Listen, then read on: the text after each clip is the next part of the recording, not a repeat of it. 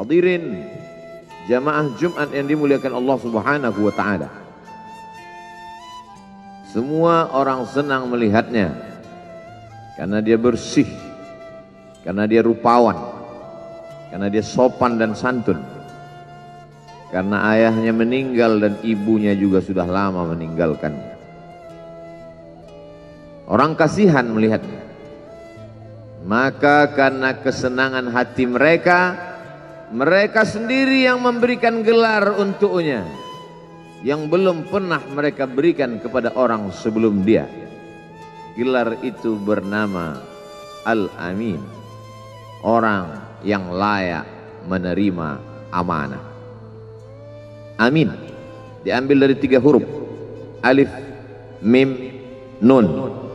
Dari kata Alif, Mim, Nun. Muncullah kata amanah. Orang yang mampu menerima amanah disebut Al-Amin. Kita mengatakannya jujur. Lawan daripada amanah adalah khianah. Al-khain, pengkhianat dia tidak berkhianat. Dia adalah seorang yang mampu mengemban amanah dan terpercaya. Maka semua orang percaya kepada dia. Dari alif, mim, nun. Juga akar yang sama dengan iman. Akar kata yang sama dengan iman. Maka iman berarti percaya. Dia adalah orang yang dipercaya karena memang dia mampu mengemban amanah. Kapan kebencian itu datang? Kebencian itu datang ketika dia naik ke atas bukit Sofa dan dia berkata kepada semua penduduk Makkah, seandainya aku katakan di balik bukit Jabal Abi Qubais yang besar gagah perkasa tinggi menjulang ini ada pasukan musuh yang akan menyerang kita. Apakah kalian percaya? Semua mereka berkata sadaqnaka kami percaya karena memang kami menggelar engkau orang yang dapat dipercaya. Seandainya ku katakan bahwa ada pasukan musuh yang akan meluluh lantakkan menghantam membunuh kita. Apakah kalian percaya? Mereka menjawab sadaqnaka kami percaya. Seandainya aku katakan bahwa aku menerima wahyu dari Allah dan aku diperintahkan Allah untuk mengabarkan kepada kalian yang baik-baik akan masuk surga, yang jahat-jahat akan masuk neraka. Percayakah kalian? Di situlah perlawanan datang. Bukan dari orang lain, bukan dari musuh, bukan dari lawan. Perlawanan itu datang dari saudara kandung, dari ayah kandung yang masih ada hubungan darah. Tabban laka ya Muhammad alihada jama'tana. Celakalah engkau Muhammad. Apakah hanya untuk ini saja kau kumpulkan kami hari ini? Allah membelanya. Langsung Allah membelanya. Dia tidak membela dirinya. Tapi Allah mengatakan tabbat yada abi lahabi wa tabba ma aghna anhu maluhu. Hartanya tak ada berguna.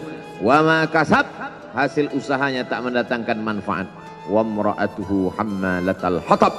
Istrinya menjadi pembawa kayu bakar simbol dari adu domba kata-kata yang membuat menyakitkan hati yang dibawa oleh Ummu Jamil istri Abu Lahab untuk menyiksa, menjelekkan, membuli, menebarkan berita untuk membunuh karakter Sayyidina wa Maulana Muhammad sallallahu alaihi wasallam. Ini bukti kalau hari ini ada anak muda yang rupawan, yang dermawan, yang disenangi lingkungannya, tidak ada orang yang tersinggung, biasa. Karena Nabi Muhammad SAW juga pernah mengalami hal itu. Tapi begitu kau katakan, aku tadi malam bermimpi bahwa aku mesti hijrah, meninggalkan komunitas peminum khamar, meninggalkan geng kita yang selama ini bicara tentang yang haram, maka di situlah mereka akan berkata, apakah hanya untuk ini saja kita berteman selama ini? Mana persahabatan kita?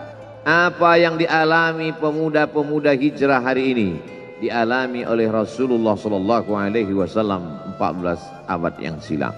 Ketika kau berhasil bisnis, orang senang. Ketika kau berhasil membina rumah tangga, tidak ada orang yang tersakiti. Ketika anakmu lucu-lucu dan kau berada di tengah mereka, tidak terusik kepentingan mereka, tidak terganggu ekonomi mereka, engkau adalah sahabat, engkau adalah teman setia. Tetapi ketika kau tidak ikut kemauan manusia, di situlah engkau sedang melantik dirimu sendiri menjadi musuh. Maka Allah kuatkan hatimu. Wa in tuti man fil ardi.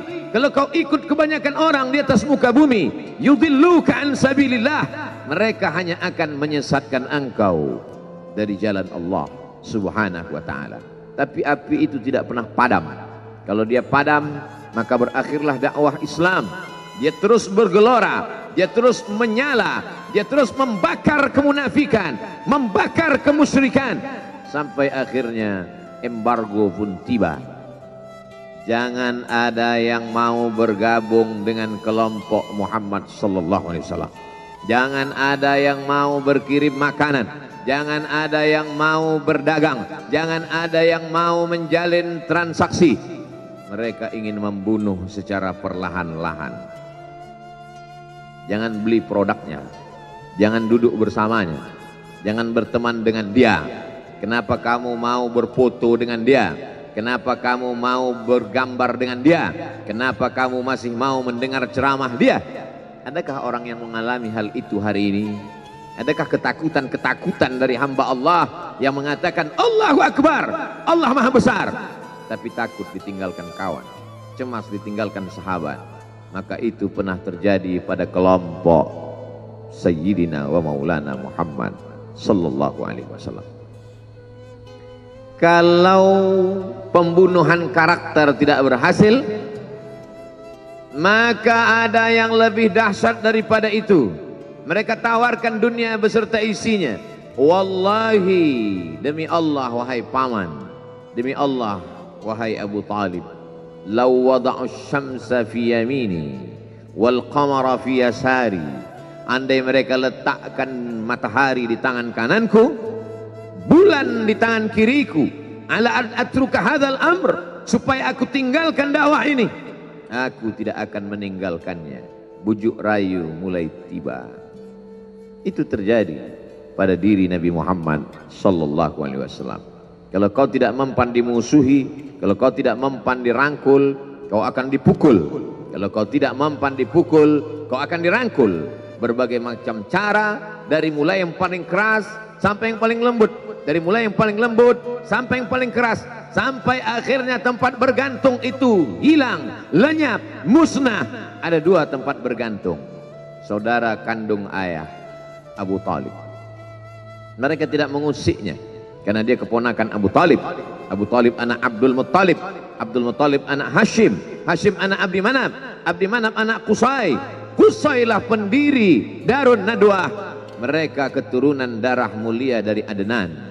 Adnan menerima tetesan darah dari Ismail. Ismail anak kandung Ibrahim alaihissalam. Jangan ganggu dia karena dia keponakan Abu Talib. Masih ada backing. Tapi Allah ingin agar hati itu tidak bergantung kepada manusia. Dia buat Abu Talib meninggal dunia. Masih ada lagi tempat bergantung. Dia yang dulu ketika kedinginan datang, dia yang menyelimuti. Yang dulu ketika ketakutan datang, dia yang menenangkan. Dia datang menemui Waraqah ibnu Naufal. Waraqah berkata, Namus, malaikat yang pernah datang kepada Ibrahim, yang pernah datang kepada Musa, yang pernah datang kepada Isa. Sekarang dia datang kepada suamimu. Katakanlah, jangan takut, jangan cemas. Kalau nanti sampai masanya dia akan diusir dari kampung halamannya, aku orang pertama yang akan membelanya. Karena begitu yang kutemukan dalam kitab-kitab suci yang kubaca. Kata Waraqah bin Naufal. Hari itu juga tempat bergantung itu patah. Khadijah menghadap Allah subhanahu wa ta'ala. Tak lagi ada makhluk tempat bergantung. Tak ada lagi ranting tempat berhinggap. Tak ada lagi batang kayu tempat berpegang. Allah ingin agar engkau berserah hanya kepada dia saja. Tidak ada makhluk bersandar kepada makhluk akan kecewa bersandar pada kayu yang rindang akan tumbang, bersandar kepada benda akan binasa, bersandar kepada sahabat akan berubah menjadi musuh. Bersandarlah kepada dia, Hayyun Maha Hidup, la yamut, dia tak pernah mati. Bersandarlah kepada dia, Al-Aziz yang Maha Perkasa, Al-Jabbar yang Maha Berkuasa. Itu yang diinginkan Allah dari sosok Sayyidina wa Maulana Muhammad sallallahu alaihi wasallam. Dia pergi Sengaja dia pergi berjalan kaki. Karena kalau dia pergi menunggang unta, mereka sudah mengintai. Dia pasti lari. Dia akan pergi ke tempat yang jauh. Sengaja dia pergi berjalan kaki. Lalu kemudian dia pun sampai ke suatu tempat. Dia berharap mereka adalah orang-orang yang lembut akan yang menerimanya. Tapi dia tidak diterima dengan tala'al badru alaina. Dia tidak diterima sebagai ahlan wasahlan. Ahlan keluarga kau datang kami sambut sebagai keluarga sahlan mudah kau datang urusanmu mudah ahlan wasahlan. Tapi dia tidak dianggap sebagai keluarga. Dia tidak dianggap sebagai sahlan. Dia dianggap sebagai musuh. Dia dilempar dengan batu. Dia dilempar dengan kayu. Dia dilempar dengan tulang onta. Apa yang dia lakukan? Dia bersembunyi di balik bukit. Dia angkat kedua tangannya. Ilaika ashku dha'fa quwwati. Kepada engkau saja aku mengadukan kelemahanku. Wa qillata hilati. Ketidakberdayaanku wa hawani bainan nas aku hina di tengah mereka kalau dulu aku ada tempat bergantung ada tempat bersandar ada tempat mengadu hari ini hanya engkau saja ya datanglah malakul jibal malaikat penjaga segala bukit di atas dunia Kau tunjuk mana bukit yang paling besar ya Muhammad. Akan kutimpakan kepada mereka. Hati yang luka biasanya akan marah, akan kecewa. Tapi itu tidak terjadi pada Nabi Muhammad sallallahu alaihi wasallam. Apa yang dia katakan? Asallah an yukhrij min aslabihim man ya'budullaha wa la yusyrika bihi syai'a. Ya Allah, keluarkan dari tulang sulbi mereka keluarkan anak cucu mereka yang akan menyembah engkau tidak ada satupun yang akan mempersekutukan engkau di atas muka bumi ini doanya dikabulkan. Hatinya susah. Pikirannya kacau. Tapi lidahnya tidak berkata-kata kasar. Dia doakan agar anak cucu mereka menyembah Allah. 100% penduduk Taif hari ini bersyahadat. Asyhadu an la ilaha illallah wa asyhadu anna muhammadan rasulullah. Doa orang yang teraniaya. Doa orang yang terzolimi. Dia berhenti di sebuah kebun ada seorang yang bukan terpandang membawakan beberapa ranting anggur sebagai pelipur lara penghilang haus pelepas daganya Ketika anggur itu akan masuk ke mulutnya dia berkata Bismillahirrahmanirrahim atas nama Allah. Maka hamba sahaya miskin susah melarat perantau yang tak punya apa-apa itu heran. Apa yang kau ucapkan? Bismillah. Kau sebut nama Allah ya. Tidak ada satupun orang di kampung ini kalau makan menyebut nama Allah. Siapa engkau? Aku Nabi yang diutus Allah Subhanahu wa taala. Berarti engkau sama dengan orang yang dulu pernah berada di kampungku. Engkau dari mana? Aku dari Ninawi. Ninawi, ya. Di sana ada saudaraku kata Nabi Muhammad sallallahu alaihi wasallam. Di sana ada saudaraku namanya Yunus bin Matta. Yunus bin Matta adalah saudaraku. Sama-sama hamba yang diutus Allah Subhanahu wa taala. Dia juga diingkari oleh kaumnya dia masuk ke dalam lautan ditelan seekor ikan dalam tiga kegelapan gelapnya tengah malam gelapnya lautan gelapnya perut ikan. Dia berserah kepada Allah. La ilaha illa anta subhanaka inni kuntu minal walimin begitu cara Allah mengingatkan Nabi Muhammad wasallam. Apa yang kau rasakan hari ini? Belum ada apa-apanya dengan apa yang pernah dirasakan oleh Yunus bin Matta Mendengar itu langsung saja Adas bersimpuh sujud. Mencium lutut Nabi Muhammad sallallahu alaihi wasallam. Dia tidak mulia, dia hamba sahaya, dia miskin, dia perantau, tapi dia sempat mencium tangan Nabi Muhammad sallallahu alaihi wasallam. Dia sempat menghilangkan dahaga dari leher Nabi Muhammad sallallahu alaihi wasallam. Pertemuan yang berkesan. Biarlah pertemuan itu sekali tapi sampai ke lubuk hati. Untuk apa pertemuan yang berulang kali tapi hanya sampai di tepi bibir, hanya basa-basi. Nabi Shallallahu Alaihi Wasallam kembali, dia pulang. Di tengah perjalanan dia mendengar, Qul katakan, Uhiya ilayya annahu istama'ana farum minal jin. Ada sekelompok jin. Jin itu berkata, Inna sami'na Qur'anan ajaba. Kami mendengarkan bacaan Al-Quran ajaba. Menakjubkan, ajib. Biarlah manusia menolakmu. Biarlah manusia yang aku dan sombong itu tidak menerimamu. Tapi ada satu makhluk yang mau menerimamu. Inna kami dari kalangan jin. Sami'na mendengar Qur'anan ajaba. Bacaan Al-Quran yang mengagumkan. Yahdi ila rusdi. Yang membuat kami lurus berpikir benar. Betapa jin yang dikatakan makhluk jahat tapi ketika dia mendengarkan bacaan Al-Quran tersentuh hatinya dan dia bersyahadat. Anna minnal muslimun kami ada yang muslim. Wa minnal qasitun kami ada yang kafir. Yang muslim taharrau rasyada selalu mencari jalan kebenaran. Yang kafir kanu li jahannam hataba. Mereka hanya akan menjadi santapan neraka jahannam. Dia kembali ke kota suci Makkah Al-Mukarramah. Seperti biasa sampai akhirnya datanglah malaikat Jibril membelah dadanya mensucikan hatinya sampai layak. Lalu kemudian dia pun dibawa subhanalladzi asra bi'abdihi lailan maha suci Allah yang memperjalankan hambanya pada suatu malam. Minal masjidil haram ilal masjidil aqsa. Dari masjidil haram ke masjidil aqsa. Alladzi barakna haulah kami berkahi sekelilingnya. Untuk apa? Linuriyahu min ayatina. Kami ingin memperlihatkan kepadanya tanda-tanda kebesaran kami. Selama ini dia hanya didengar azab kubur didengar neraka jahanam didengar malaikat didengar. Hari ini kami ingin memperlihatkan tanda-tanda itu kepada hamba kami.